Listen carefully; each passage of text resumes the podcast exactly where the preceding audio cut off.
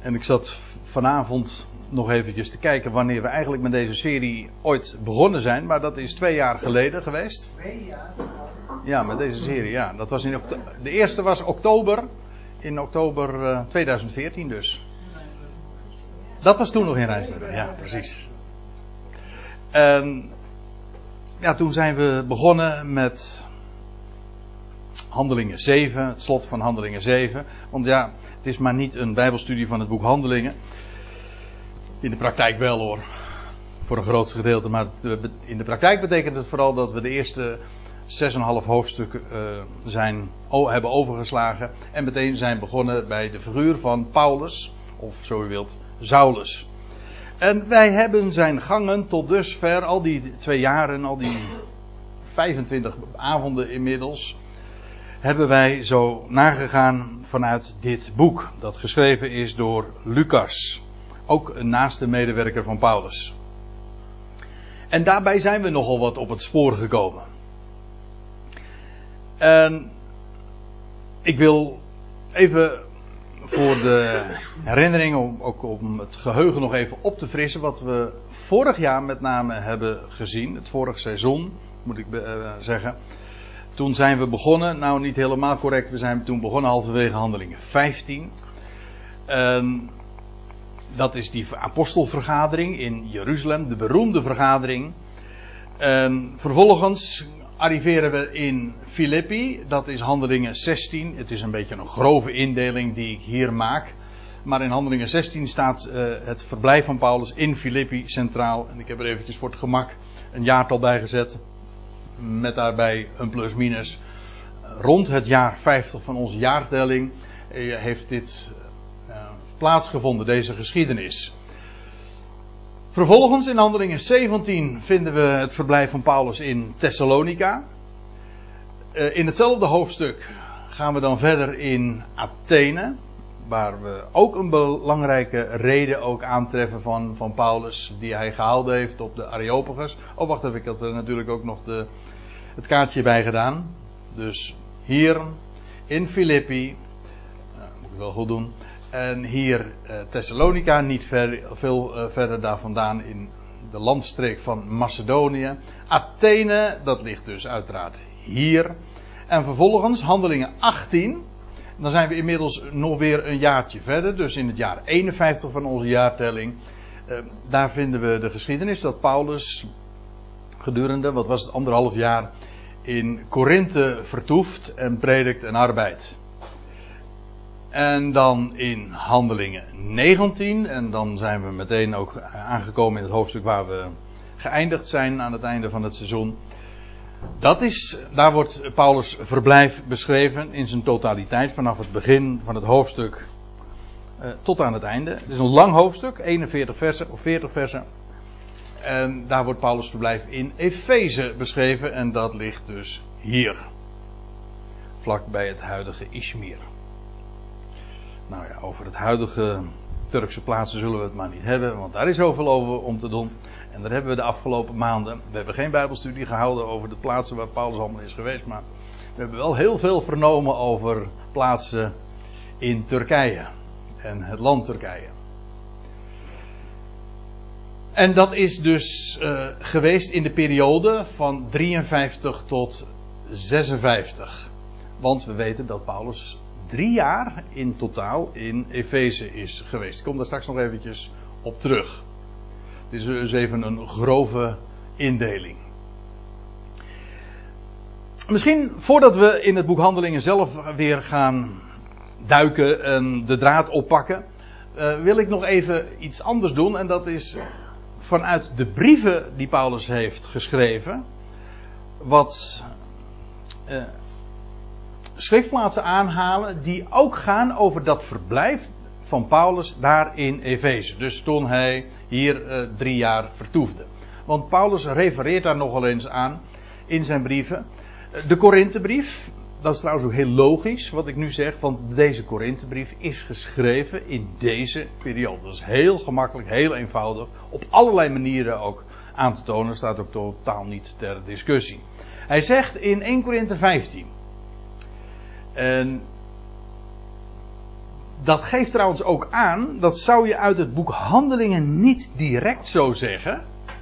Hoewel, terwijl ik het zeg, zet ik daar ook weer wat vraagtekens bij. Want uh, Paulus maakt nogal wat mee hoor.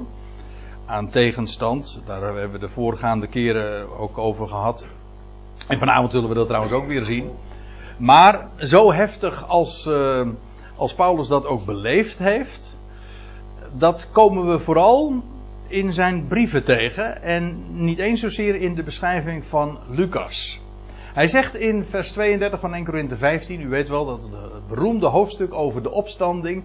Hij zegt, indien ik te Efeze, naar de mens, met wilde dieren gevochten heb.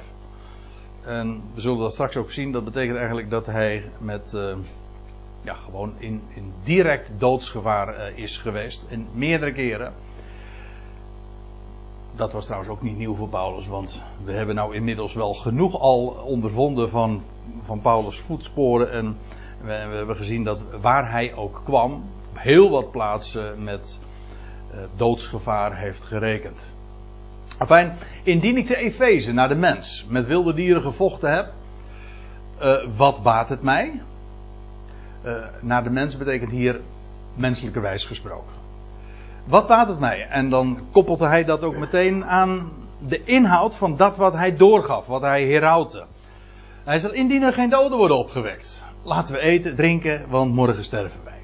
Met andere woorden, ik heb dat alles doorstaan en ik ben daar ook mee doorgegaan, eigenlijk met één perspectief, dat geen enkele twijfel leidt, namelijk dat er opstanding van doden is. Vandaar ook dus dat hij de, het geluid dat haar in Korinthe rondzong van nou is er wel een opstanding van doden en sommigen ontkenden dat, dat hij dat zo uh, ook neerzet. Is je reinste dwaasheid. In dat, dat hoofdstuk zet hij dat zo magistraal uiteen.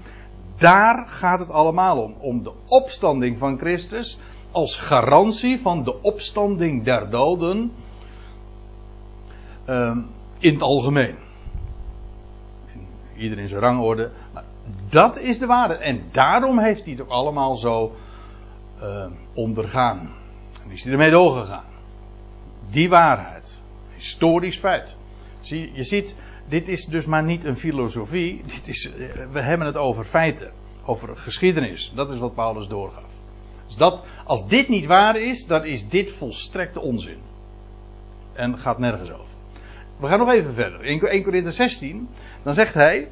Uh, we komen trouwens op deze passage nog uh, later ook nog even terug. Dan zegt hij: uh, Ik zal nog tot Pinksteren te Efeze blijven. Waaruit dus volgt dat Paulus hier deze brief optekent en geschreven heeft in Efeze. Want, zegt hij, mij is een grote en machtige deur geopend. En er zijn vele tegenstanders. Die twee gaan trouwens altijd hand in hand. Die tegenstand, die zorgt trouwens, ja, in zekere zin eh, gaat dat ook, volgt het een uit het ander. Die oppositie maakt ook, eh, juist ook weer dat er enorme gelegenheid gecreëerd wordt om ja, de boodschap uh, ingang te doen vinden. Dat is een mooie woordspeling daarop. Hè? Een machtige deur geopend. Maar er zijn vele tegenstanders. Beide is waar. De tweede Korinthebrief. Dat is uh, ook geschreven vanuit uh, Efeze. Maar dat weet ik even niet helemaal zeker. Of even later. Ja, ik heb zelf voor mezelf de aantekening gemaakt. Die is net nadat hij weggegaan is uit Efeze richting Macedonië. Dan schrijft hij de tweede Korinthebrief. Dat is allemaal op te maken ook uit de, uit de brief zelf. Ik weet dat nu, ik kan dat zo nu eventjes niet um, uit mijn hoofd recapituleren, zo hoe het precies is. Maar laten we even lezen wat er dan staat in het eerste hoofdstuk van de tweede Korinthebrief. Want hij zegt, we willen u, Corinthiërs, jullie Corinthiërs, niet onkundig laten uh, van de verdrukking die ons in Azië is overkomen. Efeze was de hoofdstad van Azië. Bovenmate en boven vermogen hebben wij een zware last te dragen gehad, zodat wij zelfs aan ons leven wanhoopten. Ja, voor eigen besef achten wij ons als ter dood verwezen. Opdat we niet op onszelf vertrouwen zouden stellen, maar op God die de doden opwekt. En hij heeft ons uit zulk een groot doodsgevaar verlost. Dit is op zich trouwens al een aanwijzing dat dit inderdaad na Handelingen 19 uh, kort daarna is geschreven.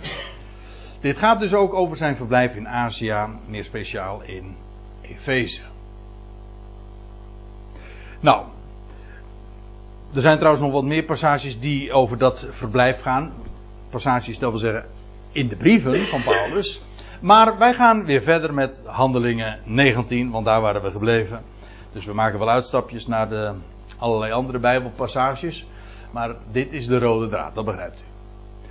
Het laatste vers dat we de, voorgaande seizoen hebben besproken, dat was dit vers. En hier ziet u dus de MBG-vertaling. En ik heb hier trouwens niet de tekst, uh, ben er niet aan toegekomen om het interlineair te verwerken. Ik had het liefst wel gedaan, maar goed. Maar dan wil ik u dan toch uh, op allerlei uh, verschillen attenderen. Want zo wies het woord, wies, dat is het verleden tijd van wassen dus, hè, van groeien. Maar letterlijk staat er naar, naar kracht van de Heer. Het woord groeit en was sterk. Dat was, maar dat naar kracht van de Heer. Ja, het, het, het woord van de Heer naar de kracht van Hem groeide en het was sterk. Dus dat, zo, bewees het zijn vermogen daar in Efeze, want daar gaat het natuurlijk over. In mijn Bijbeltje begint, is dat trouwens ook het laatste vers van uh, een, een, een pericoop. Dat was die geschiedenis van die zonen van Skeva. Skevas. En dat is toen wat we het laatste hebben besproken. Juist dat was ook weer de aanleiding. Dus dat is precies wat ik net ook bedoelde. Er was enorme tegenstand. Maar juist dat zorgde er ook weer voor dat het woord en, de kracht van het woord zich bewees en sterk was. Maar daardoor ook aan invloed won. En daardoor ook een, een krachtige deur geopend werd. Die twee gaan dus echt zo hand in hand. Dit, dit vers illustreert dat prachtig. En, en dan in vers 21 in mijn Bijbeltje staat er dan, uh, begint er inderdaad ook een nieuwe pericoop. En dan staat er boven Demetrius, de zilversmid. Dat is nog een hele lange, lange passage, lange gedeelte. En nou, die geschiedenis begint hier dus aan te vangen. En toen dit alles voorbij was.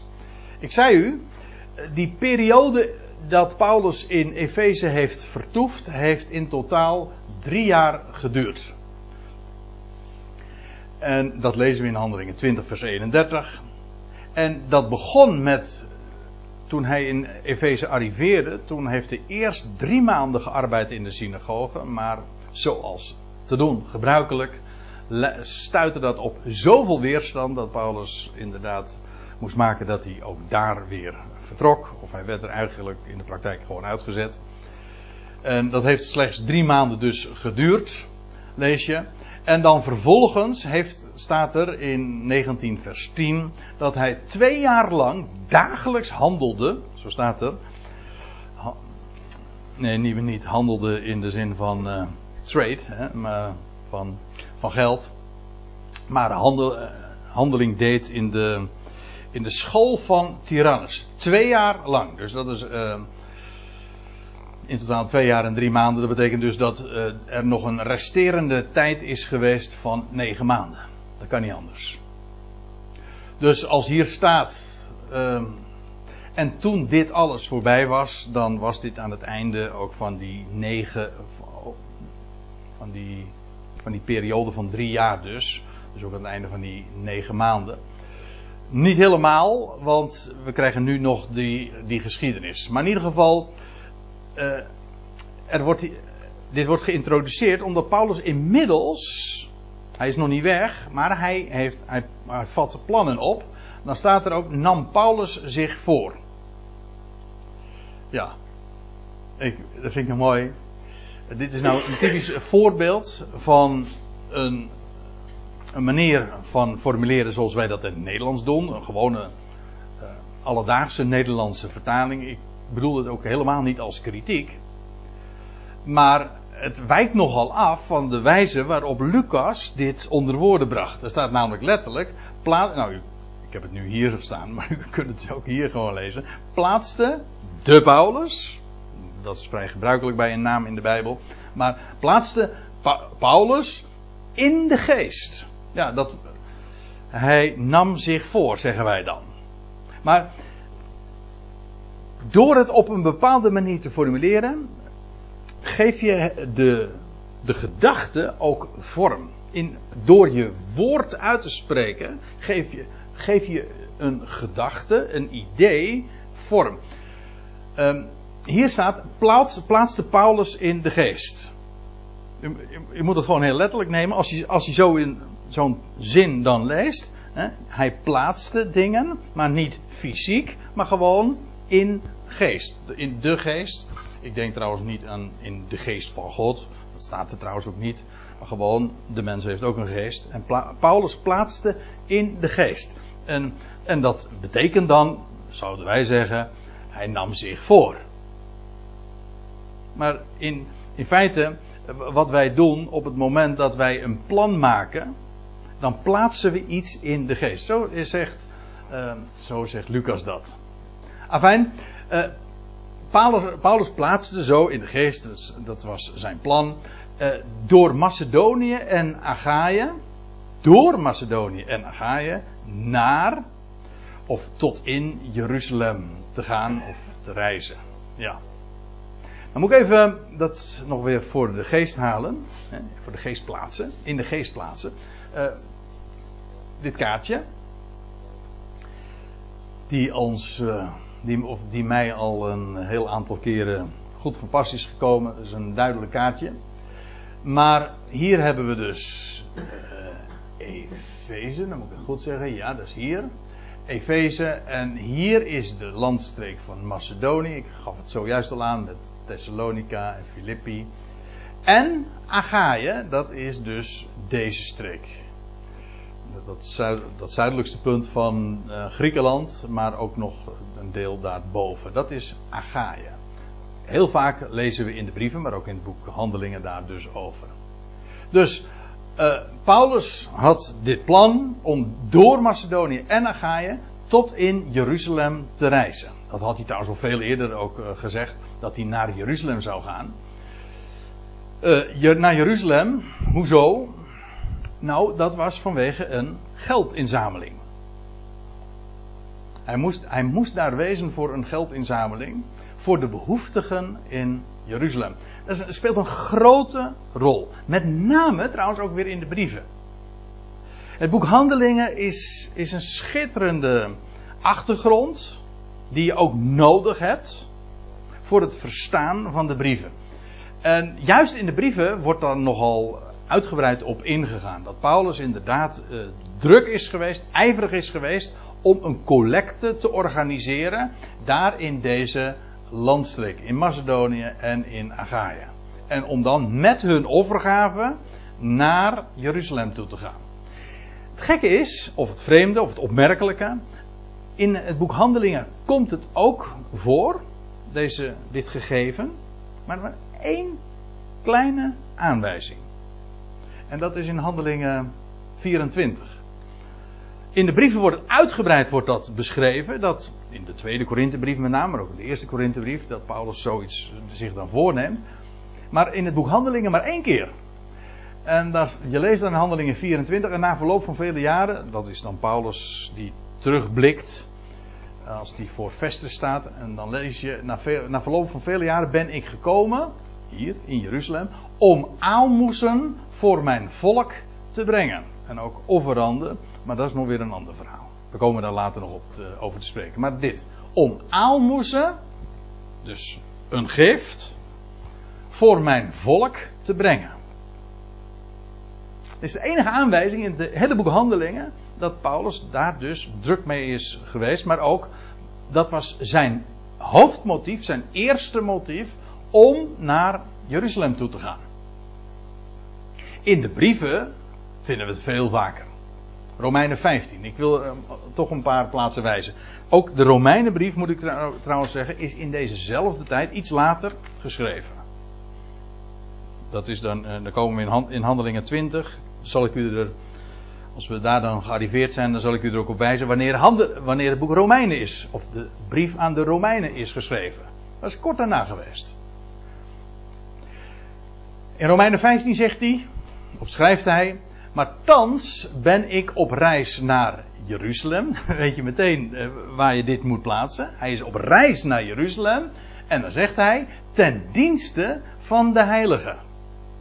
Want, zegt hij, Macedonië en Agaïe, maar dat vonden we dus zojuist al in het boek Handelingen ook, hebben goed gevonden een handreiking te doen aan de armen onder de heiligen te Jeruzalem.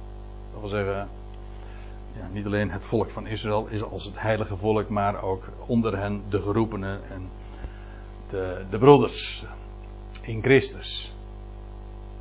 Hier zie je dus van waaruit dat ook inderdaad uh, gedaan werd en voor wie. En Paulus' reis naar Jeruzalem stond helemaal in, in het teken van en ten dienste van deze heiligen. Uh, in Galaten 2 moeten we dan ook even naartoe gaan. Dat is ook een brief trouwens, die kort hierna, ook in de handelingen 20 zullen we dat uh, traceren. Die is iets, iets lastiger om dat precies te traceren. Maar ook de gelaten brief is in dezezelfde tijd. Als we het even uh, eventjes grof nemen en uh, pakweg in de tijdspanne van 2, 3 jaar. Is dat allemaal in die tijd ook geschreven. In Handelingen 2 vers 9 lees je nog, om het eventjes in perspectief te plaatsen. toen zij, en wie dat zijn, dat lees je hier vervolgens. Toen zij de genade die mij geschonken was opmerkte, reikte Jacobus. De Jacobus van, ja, ik bedoel de Jacobus van de brief van Jacobus. De broeder des Heren. Kevas. Petrus. En Johannes. In die volgorde hebben we hun brieven ook gewoon in het Nieuwe Testament. Eerst de brief van Jacobus, dan krijg je de brief van de brieven van Petrus en dan krijg je de brieven van Johannes. En ook nog het boek Openbaring. Keurig, deze volgorde. Afijn, uh, zij reikte Jacobus, Kevers en Johannes, die voor steunpilaren golden, mij en Barnabas, als Paulus medewerker, de rechterhand der gemeenschap. Er was misschien conflict, oneenigheid enzovoorts, maar er was hier werd uh, de eenheid gesymboliseerd door het, toereiken of het aanreiken van de rechterhand der gemeenschap. Die rechterhand, dat wil zeggen, er is eenheid, gemeenschap. En wat wordt er dan beklonken eigenlijk daarmee? Wij, Paulus, Barnabas, zouden naar de natieën gaan. Zij, Jacobus, Kevers, Johannes, naar de besnedenen. En ik, ik, ik kan het niet nalaten, ik vind dat zo vind ik grappig. Ik heb een, een boekje. Ik heb wel meer boekjes en ik heb nog meer boekjes zelfs. ik, ken, iemand die uh, altijd een, uh, een, boekhandel, als hij een, boekhandel uh, in de stad ziet, dan passeert hij het dan. Want dan zegt hij, al, dan zegt hij van nee, ik heb al een boek. ja, dan ben je er heel makkelijk vanaf, hè. Maar, uh, nee, ik heb een boekje, dat is uitgegeven door uh, de EO. Van, nou ja, het is misschien wel 15, 20 jaar geleden. En dat gaat over de katholieke brieven. Alleen de naam al. De katholieke brieven. Dat zijn de brieven van Jacobus, Peter en Johannes. Ook, ook nog van de Hebreeën. Dat is helemaal lachen. En dan wordt daar, en daar is er een hoofdstukje. En dan alleen met de titel, die, de titel is al veelzeggend. De titel is uh, Geschreven aan besnedenen. En dat gaat dan ook in op deze passage. Uh, uh, maar de schrijver durft dan niet te zeggen, want ja, daar zijn toch theologische bezwaren tegen, dat de brieven van Jacobus, Petrus en Johannes gericht zouden zijn aan de besnijdenis. Men noemt het liever algemene brieven, terwijl het juist als er één is die algemeen schrijft, dat wil zeggen aan de natieën, dan is dat Paulus. Terwijl Jacobus, Peter en Johannes niet algemeen, niet katholiek, maar die zijn heel specifiek geadresseerd. Hun bediening was gericht op de besnijdenis. En, ehm, ja, ik zou het even voor de grap moeten voorlezen, want ik vind het grappig. Ik, het is gewoon humor. Uh, ja, zo vat ik het dan maar op. Je kan natuurlijk ook gaan huilen over zulke, over zulke tegenstanden, zulke dwaasheid. Maar ik, uh, dan, uh, dan blijf ik janken. Dus ik heb, ik, heb, ik heb me voorgenomen om daarvoor te maar om te lachen. Hm? Hoe verdrietig het misschien ook mogen zijn. Nee, maar je, je lacht. De argumentatie is lachwekkend. Terwijl, Paul, terwijl dat in de schrift zo duidelijk juist benadrukt wordt. Heel die indeling van de Bijbel, van de, van de brieven, is juist ook. Uh, dat herinnert aan Galaten 2. Jacobus, Peter, Johannes, ja, waar, waar, hoezo? Nou, daar wordt die officiële afspraak ook gedemonstreerd en, en, eh, en beklonken. Dus ja, dat is volstrekt helder. De bediening van Paulus voor de natie. maar ik heb het niet over gelaten 2 vers 9. Ik, ik, ik, dat is alleen maar eventjes een opstapje om nog iets anders erbij op te merken. En daar gaat het nu eigenlijk vooral even om. Alleen wordt er dan gezegd, dat is de aantekening. Jullie gaan wel, jij, Paulus, met Barnabas, gaat naar de natieën, maar alleen moesten wij, of zouden wij, de armen gedenken. En, ik, en dan zegt Paulus, ik heb mij dan ook beijverd dat vooral te doen. Nou, dat kun je wel zeggen, ja. Want een heel groot gedeelte van zijn, zijn brieven, uh, nou, of in ieder geval een, een, aanzienlijk deel, wordt juist daaraan ook gewijd. Dat wil zeggen, Paulus gaat weliswaar met, naar de natieën toe, maar dat wil niet zeggen dat het volk, de armen onder het volk, want daar gaat het dan over, dat die vergeten worden. Integendeel, we zouden die ook gedenken. En daar zit natuurlijk ook, dat moet ik er ook bij zeggen, daar zit feitelijk nog weer een hele, ja, daar komt een hele gedachte nog weer bij. Die Paulus trouwens ook in de Romeinenbrief ontwikkelt. Maar de geestelijke rijkdom van, van Jeruzalem is naar de natieën gegaan. En nou mogen wij materieel hen ondersteunen. Zo zegt Paulus dat ergens in Romeinen 15. Maar er zit nog iets achter. En dat is dat Jeruzalem is arm. De rijkdom is naar de natie. En de nu is eigenlijk, het is ook typerend voor de huidige tijd. Dat wil zeggen, de rijkdom. En dat bedoel ik geestelijk dus. Hè, de rijkdom is bij de natieën terechtgekomen. En vanuit de natieën wordt het vervolgens gesproken en gericht aan het arme Jeruzalem. Dat, het tekent trouwens ook de ontwikkeling die zich afzet in het boek Handelingen. In, helemaal in het boek Handelingen. Het begint in Jeruzalem, het eindigt in Rome. En dat is maar niet alleen maar een uitbreiding zo van, nou ja, uiteindelijk komt het in Rome terecht. Het is niet alleen een uitbreiding, het is ook een verplaatsing. Het wordt van Jeruzalem afgenomen en het wordt onder de natieën geplaatst.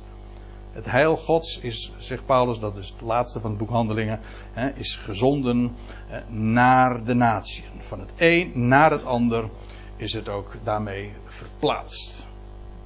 Afijn, Paulus heeft zich beijverd om dat vooral ook te doen en te blijven doen. Dus ja, toen, eh, toen dit alles voorbij was, nam Paulus zich voor door Macedonië en je naar Jeruzalem te reizen. En hij zeide, als ik daar geweest ben, in Jeruzalem, dan moet ik ook Rome zien. Ziet u? Ik vind dat mooi. Het is bindend. Het, eigenlijk, het komt erop neer. Hij, hij, kon er niet aan ontkomen. En in dit geval is het zelfs uh, nog sprekender, want Paulus zou gebonden naar Rome gaan. Het is met recht bindend voor hem om naar Rome te gaan. Hij zegt dat ook, hè, als een geboeid. Hij ging geboeid naar Rome.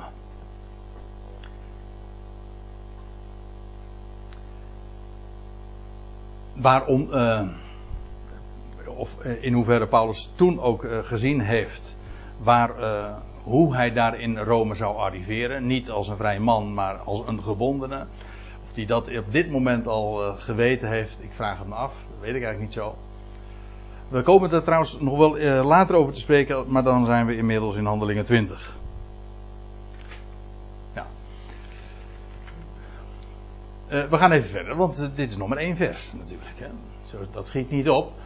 Maar we hebben geen haast. Maar, en hij vaardigde, als het in het cursief staat, dan heb ik het, de tekst wat aangepast aan de interlineair. En hij, Paulus, vaardigde twee van zijn helpers, of van zijn bedienden, degene die bediende. Het Grieks staat eigenlijk een woord waar ons woordje diaken van afgeleid is. Dienaren, bedienden, ziet u hier ook in de interlineair. Assistenten, zo u wilt. Uh, twee van zijn helpers af. Uh, Timotheus, nou die naam hoef ik inmiddels niet meer toe te lichten, want die zijn we al vaak tegengekomen. Die kwamen we in Handelingen 16 al uh, ooit tegen. Zeg je tot? Ja, Handelingen 16 in Derbe, Lystra. Deze jonge medewerker van hem. En Erastus. Dat is de eerste keer dat we deze naam tegenkomen. En hij, deze twee kerels, die zendt hij naar Macedonië. Hij vaardigt ze af naar Macedonië om al voorbereidende werkzaamheden te verrichten. Ook om die collecte, zeg maar, te organiseren. Want uh, daar, uh, dat, dat schaf nogal wat voeten in de aarde. En zij zijn daar dus druk mee doende geweest. Ze hebben hun voorbereidingen ook getroffen. Erastus, deze naam, die komen we in Romeinen 16 dan weer tegen. En dan weten we ook meteen ervan uitgaande. Ik heb begrepen dat dat soms betwijfeld wordt, maar ik zie niet in waarom. Dat dit dezelfde geweest moet zijn. Uh, dan staat er aan het einde van de Romeinenbrief: U groet Erastus. En er staat de stadsrentmeester in de MBG-vertaling. En Quartus, de broeder. Hadden we het daar vorige week niet over. Ja. ja, dat is misschien wel leuk, ja. Het zou, ik zou me niet verbazen of we komen straks nog secundus ook tegen. Uh, heb ik op een dia staan. Nou, ik heb vorige week zaten we in de auto, Menno en ik waren weer, ik had een bijbelstudie gegeven in Rotterdam. En we reden terug uh, richting uh, Rijnsburg, Katwijk. En ik weet eigenlijk niet hoe het zo ter sprake kwam.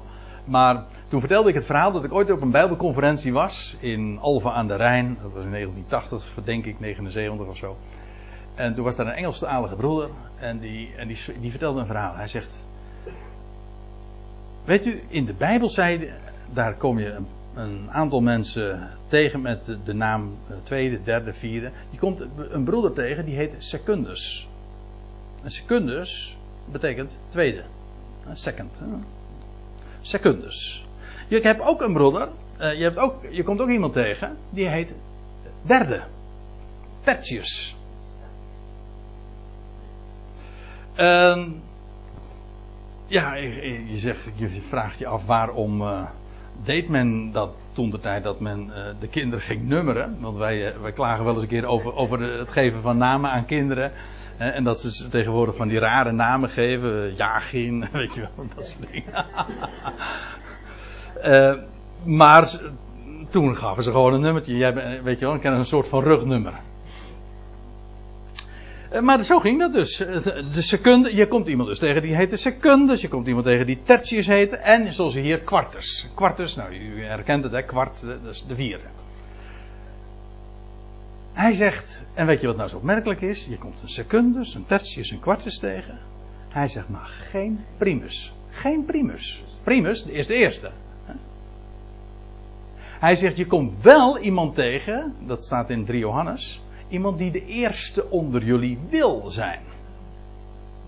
Maar die is er niet. Hij was niet de eerste. Hij wilde, zich, hij wilde de primus wezen. Hij zegt, maar er is er slechts één. Die de eerste onder allen is. Dat lees je in Colossense 1. De eerste onder alles. Ja. Dus een secundus, een tertius, een quartus. Maar geen primus. Nee. De eerste. Die, die die titel of die naam, die is voorbehouden aan hem die daarboven is. Ja, toch wel leuk hè. Quartus. Voor, hem valt verder helemaal niks te zeggen, behalve dat het was de broeder. Dat was een broeder. Maar dan even terug even naar Erastus, want ik had het niet over Quartus. Dat is alleen maar even een uitstapje. Uh, Erastus, dat is de stadsrentmeester, wordt er dan gezegd, dat is de interpretatie, maar letterlijk staat er in het Grieks oikonomos. En dat is een titel die bijvoorbeeld ook Paulus heeft. En eigenlijk betekent dat een, een beheerder, hè? zo wordt het in de interlineair weergegeven. Eigenlijk betekent het een, een, een, huis, een huisbeheerder. Ons woordje economie, oikonom, dat komt daarvan af. Een huis, een economie betekent letterlijk een huishouding, de staatshuishouding. Hm? Wel, deze Erastus, hij was de oikonomos van de stad. Dus dat was niet de eerste de beste. Dat was een man die verstand had van, uh, van centen, mag, ik, mag ik aannemen. Hè, als een rentmeester was. En dan begrijp ik ook trouwens weer waarom juist hij afgevaardigd is naar, uh, naar Macedonië. Hè, om die collecte te regelen. Hij had verstand van financiën. Ja, ik geef toe, dat, zit ik nu zelf wat uh, te fantaseren, maar dat lijkt mij een vrij logisch verband. En als u er anders over denkt, dan, zeg, dan, uh, dan mag dat. Dan ga ik geen ruzie over maken, maar dat denk ik dan zo. Dat was die Erastus. En in, we komen ook uh, later nog weer tegen, aan het einde van Paulus' leven, in zijn allerlaatste brief, in, zijn laatste, in de laatste versen die we van hem opgetekend vinden. En dan staat er, Erastus is te Korinthe gebleven, schrijft Paulus dan, en Trofimus heb ik ziek achtergelaten te Mileten. Maar ook hier weer Erastus. Die man, die heeft dus, die hij nu afvaardigde naar Macedonië, die heeft dus uh, in Paulus' loopbaan, in al die voetstappen, in die voetsporen, heeft hij een, uh, toch wel een, uh, een rol van betekenis gespeeld. Dus uh, hij vaardigde twee van zijn helpers, Timotheus en Erastus, naar Macedonië. Maar hij zelf bleef nog een tijd lang in, uh, in Azië. Een tijd lang, dat, dat woordje lang suggereert dat het een hele uh, ja, lange periode is geweest. Dat is niet nog een tijd gewoon, hè? Een tijd. Een x-tijd. En dan zeg ik, dat is maximaal negen maanden geweest. Maar dat heb ik u al laten zien, hè? Dat is maximaal negen maanden geweest. En, en zo lang bleef Paulus dus nog in Azië. En omstreeks dat tijdstip, in, bij die gelegenheid, in die periode, ontstond er geen geringe opschudding. Niet weinig onrust, ziet u hier in de, in de lineaire, in zaken de weg. Hier heb je hem weer. Hoe vaak heb ik er inmiddels al niet op gewezen? Op die uitdrukking de weg. Dus in wezen, het boek Handelingen, feitelijk de standaarduitdrukking. Typisch trouwens ook van het boek Handelingen. Lucas, als hij het heeft over, over de, de, de gelovigen. En over de, de boodschap van, de, van in zaken Christus. En iedereen die daarin meegaat en daarmee instemt en daarvoor dat uitdraagt. Dat zijn mensen van de weg. In... Uh, we kwamen het al eerder tegen in Handelingen 19 vers 9. Straks later komen we het ook tegen in 24 vers 22. En we hebben trouwens ook al toen gezien, bij uh, een eerdere gelegenheid, uh, dat die weg ook uitgelegd wordt. Uh, aan, je leest over, wie was het? Apollos. Ja, Apollos, daarvan, hij was hij wordt door. Dan ben ik weer de naam kwijt. Goh, ik word ouder zeg. Hoe heet het echtpaar? Hoe heet het echtpaar? Priscilla, Prissa, Prisca en Aquila. Of Priscilla en Aquila, ja. Die, zij leggen aan. Zij leggen aan die Apollos de weg Gods nauwkeuriger uit. En nou was die uh, Apollos, die wist alleen maar van de, van Johannes, de, de doop van Johannes. Meer niet. En daarom moest hij geüpdate worden, want hij wist verder ook helemaal nog niks. En wat was Johannes de Doper? Dat was de wegbereider hè, des Heren. Zo wordt hij ook in het Oude Testament aangenoemd. Dat is in feite de titel die al door de profeten, meer speciaal van Jezaja, was toegekend aan hem die zou komen. En nou ja, dat is, ze vindt zijn vervulling in de bediening van Johannes de Doper. Maar dat is de wegbereider des Heren. En die bereiden de weg. Nou, en nou zijn gelovigen, degene die geloven dat Jezus is de Christus, zijn mensen van de weg. Die dus bereid was ooit al door Johannes. Dat is de link. die je daar aan het slot van handelingen 18 dus ziet. Afijn, uh, daar in Efeze ontstond er geen geringe opschudding in zaken de weg. U zegt, is dat bijzonder? Uh, nou, in zekere zin niet, want er was al, veel eerder uh, opschudding ontstaan, maar nu vanuit een andere hoek. Tot dusver zagen wij, met name in de synagoge, was er een grote opschudding.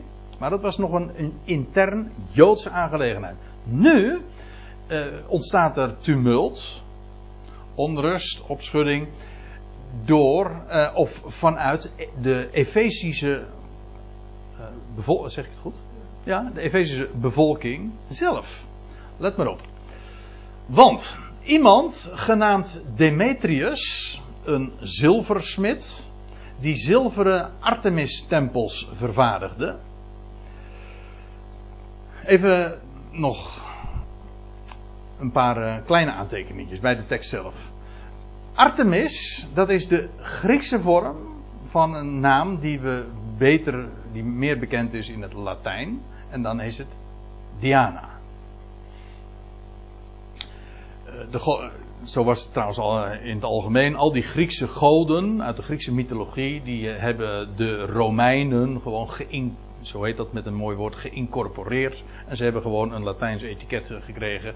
En zo, zo werd, uh, om wat te noemen, Poseidon, de god van de zee, werd Neptunus in het Latijn. En, zo, en Zeus, de hoofdgod, zeg maar, werd Jupiter, maar dat is dan weer Latijn. Maar het is gewoon, Zeus en Jupiter is dezelfde. Artemis en Diana is ook hetzelfde. Eén is Grieks, het andere is Latijn. En die Artemis, Diana, was de godin van de vruchtbaarheid. Dat zie je trouwens ook wel in de wijze. Heb ik daar een plaatje? Nee, ik heb daar geen plaatje van. Oorspronkelijk, als ik ja. ja. uit. De die geïntroduceerd heeft is die kant opgegaan. Ja, en. en Vandaar dat die naam Artemis, die kan je eigenlijk met een. Oh, oh. Ja, maar je bedoelt ook dat de naam Artemis, dat daar ook nog weer van Astarte? Oké, oké. Eh, dezelfde cultus. Ja, ja.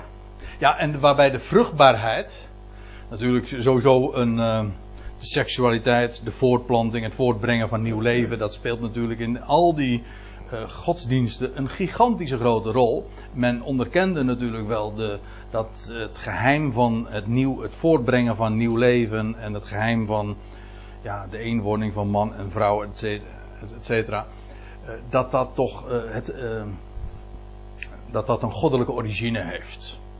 Je ziet het trouwens ook in de afbeelding van, van deze Diana, ehm, van deze Artemis, zoals die nog weer teruggevonden zijn in afbeeldingen. Want daar wordt ze ook voorgesteld met eh, allemaal borsten. Nou heb ik eh, andere, anderzijds weer laten voorstellen. Eh, ze werd dus afgebeeld met allemaal borsten, maar anderen zeggen nee, dat die, die bobbels op haar lichaam, dat waren dat in werkelijkheid testicles. Maar in beide gevallen is het, onderstreept het gewoon het idee van vruchtbaarheid. Ja. Dus linksom, eh, via de vrouwelijke lijn of via de mannelijke lijn, wat het dan ook uitbeelde. In ieder geval het beeld vruchtbaarheid uit. Dat is eh, een ding wat zeker is. Daar komt trouwens nog iets bij, dat die Demetrius, eh, die, is, dat is, die naam betekent gewijd aan Demeter. En Demeter was ook al een, niet de, maar een godin van vruchtbaarheid. Wat dus onderstreept dat het allemaal ging eigenlijk om, om vruchtbaarheid. Trouwens, eh, je zegt dat nu zo over Astarte. Het is onvoorstelbaar. Dat eh, hebben wij geen idee van. Als je dat natuurlijk ook leest in, de, in het Oude Testament. Als Israël dan weer verleid wordt tot afgodsdienst. Dat was eh, zo seksueel doortrokken. Hè, de dienst van Astarte was, dat was gewoon. de seksualiteit stond daar echt in de hele tempeldienst. Je ziet het later trouwens ook nog weer in Korinthe. Ik heb daar nog niet zo lang geleden een keer over gesproken. In, eh, wat was de dienst in Korinthe ook alweer? Aan. Kijk, de bedoeling. Hè? Nee, nee, nee, niet baggers. Dat was weer. eh, dat was eh, dit, hè? Baggers. Ja, dat was ook niet geheel onbelangrijk.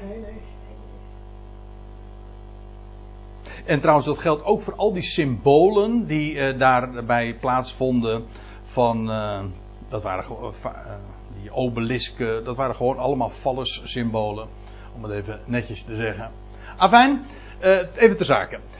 Iemand genaamd Demetrius, die gaat in deze geschiedenis optreden als een soort vakbondsman.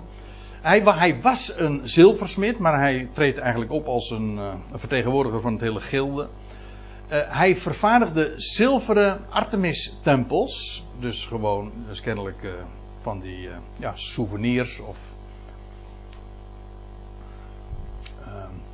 amuletten. Maar in ieder geval uh, zilver. Hij vervaardigde, zo staat het hoor, hij maakte uh, zilveren tempels van Artemis. En hij verschafte aan de mannen van het vak niet weinig inkomsten. Veel dus, hè? niet weinig. Dat is hetzelfde als veel. Uh, trouwens, het is grappig dat staat inkomsten. Uh, eigenlijk staat er werkzaamheid. Maar u weet dat als je werk hebt, dan heb je ook inkomsten. Of zonder werk heb je ook geen inkomsten. Uh, tenminste, zo was dat van oudsher. Dus hij treedt hier op als vertegenwoordiger daarvan. En hij riep deze bijeen met de werklieden in dit vak.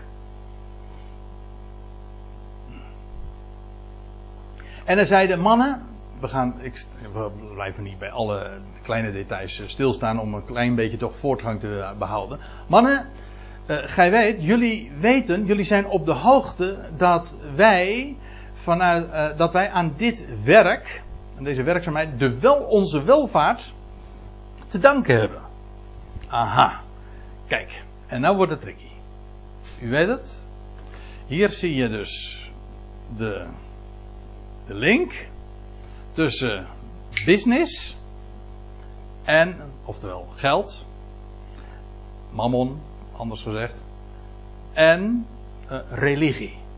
Want dat is in dit geval gewoon één. Het was de hele dienst aan Artemis. Hij vervaardigde met dat hele gilde uh, zilveren, zilveren tempels. En die, worden, die werden rijkelijk verkocht. En daar dankten ze hun welvaart aan. Nu uh, dreigde daar een groot gevaar. Want lees maar voor. Gij ziet en hoort, of jullie zien en, en, en horen. Jullie aanschouwen en horen dat niet alleen uh, van Efeze. Ik moet eventjes, de volgorde van de tekst is wat anders dan in de MBG-vertaling. Dat, en ge ziet en hoort dat deze Paulus niet alleen van Efeze, maar ook van bijna heel Azië. Want Paulus arbeidde dan weliswaar van in Efeze maar ook vanuit Efeze. En het had zoals een actieradius, die hele predik, in heel Azië. Zo, we hebben dat trouwens ook eerder gelezen. Ik weet niet of ik dat zo snel kan lezen, maar dat het woord van in heel Azië zijn weerklank vond. Nou, ik kan het even niet zo heel snel uh, vinden. Maar het, het woord was, uh, het was sterk. Het bewees zich. En bovendien, het groeide ook. En daarom nou, en in, in heel Azië kreeg, vond het weerklank. En staat erbij, een talrijke schare, een aanzienlijke schare, hoe groot en, en, in procenten wordt het niet uitgedrukt, maar in ieder geval, het was substantieel.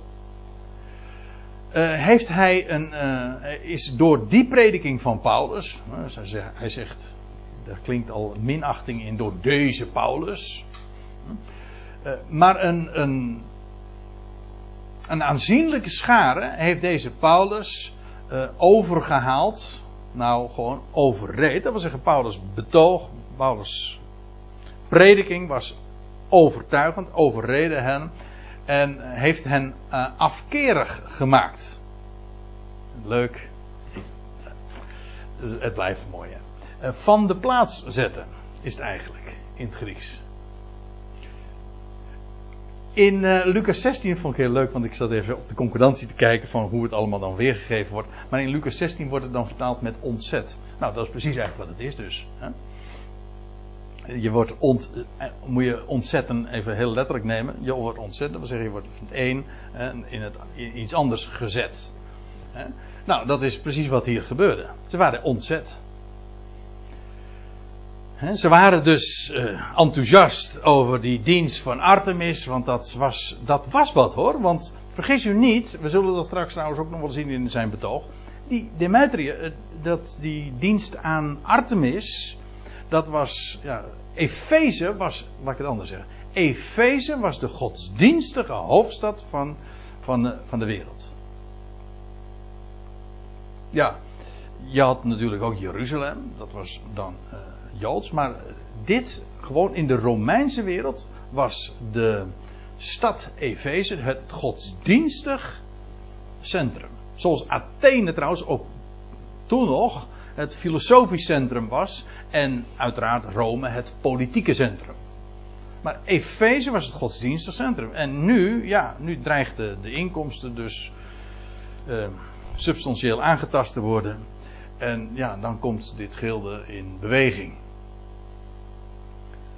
En ja, waarom? Wel door te zeggen, dus dat is wat Paulus dus naar voren bracht, dat goden, daarin is, uh, daarin is deze man in ieder geval wel heel juist correct in zijn weergave, want dat is precies wat Paulus ge, verteld heeft. Dat weten we. Door te zeggen dat goden die met handen gemaakt worden geen goden zijn. Ja. En ook trouwens niks voorstellen. Want ik, ik mag er aannemen dat ook zij natuurlijk niet beweerden dat, een, uh, dat, dat wat zij met de handen maakten ook werkelijk goden zijn. Maar het waren in ieder geval, het representeerde uh, de goden. Maar wat Paulus dus zegt van ja, voor ons, hè, dat is de Korinthebrief, voor ons is er maar één God. Dus Paulus zette eigenlijk gewoon een, een, streep door die hele gedachte van goden. Goden die met handen gemaakt worden, geen goden zijn. Als we even terugbladeren naar Handelingen 17, dan zien we dat ook. Eh, dan zegt hij. Ik slaat nu even midden in het. Ik land nu midden in het betoog. Daar wij dan van Gods geslacht zijn. Dat wil zeggen door God zelf voortgebracht. Zo zegt hij dat. Uh, moeten wij niet menen dat de Godheid gelijk is aan goud of zilver of steen, door menselijke kunstvaardigheid gesneden of bedacht. Een creatie is van de mens. Het is precies omgekeerd namelijk. De mens is een creatie van de God. En niet van goden, maar van de God. De Godheid. Enkelvoud. De God, dat is precies wat Paulus predikte. En daarmee zette hij natuurlijk. Je begrijpt wel, ik moet er eens aan denken. Dat is het laatste wat ik nog eventjes. Uh, wil aanhalen, maar ik heb er geen diaatje van.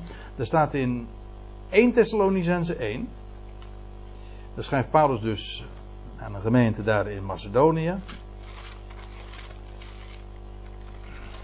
Hoe enorm, dat is wat ik er eigenlijk ook mee wil zeggen, hoe een gigantische impact die boodschap gehad heeft. Want dan komt Paulus in die wereld, die allemaal uitging van meer goden. En dan staat er in vers, aan het einde van het eerste hoofdstuk, 1 Thessalonicense 1. Nou, ik lees even vol vanaf vers 8. Want uit uw midden heeft het woord van de Heer weerklonken. En niet alleen in Macedonië en Achaïe. Maar allerwegen is uw geloof dat zich op de God richt. Let op, de God richt. Uh, bekend geworden. Zodat wij daarvan niets behoeven te zeggen. Want zelf verhalen zij van ons hoe wij bij u ontvangen zijn. Let op, dus dat is niet wat de, de hebben dat niet uitgebazuind. Maar dat heeft zo'n impact gehad dat overal het verhaal de ronde deed. Wat, de, wat Paulus' boodschap eh, teweegbracht daar in Macedonië en Achaïe. Zelf verhalen zijn van ons hoe wij bij u ontvangen zijn. Hoe, hoe gij u van de afgoden tot de God tot de God hebt bekeerd. Om de levende en waarachtige God te dienen. En uit de hemelen zijn zoon te verwachten. Die hij uit de doden opgewekt heeft, et cetera. Dat gaat me even natuurlijk om dat ene. Hoe gij u van de afgoden afgekeerd hebt en bekeerd hebt tot de God. En het is natuurlijk positief, hè? Het is gewoon, als je eenmaal de God kent, ja, dan zeg je gewoon, je weet, hij is, hij is de God dan keer je ah, daarmee automatisch af van de afgoden. Want al die goden zijn dus gewoon afgoden. Het is het een of het ander. Men keerde zich tot de God en daarmee, men keerde zich daarmee dus af, automatisch, van al die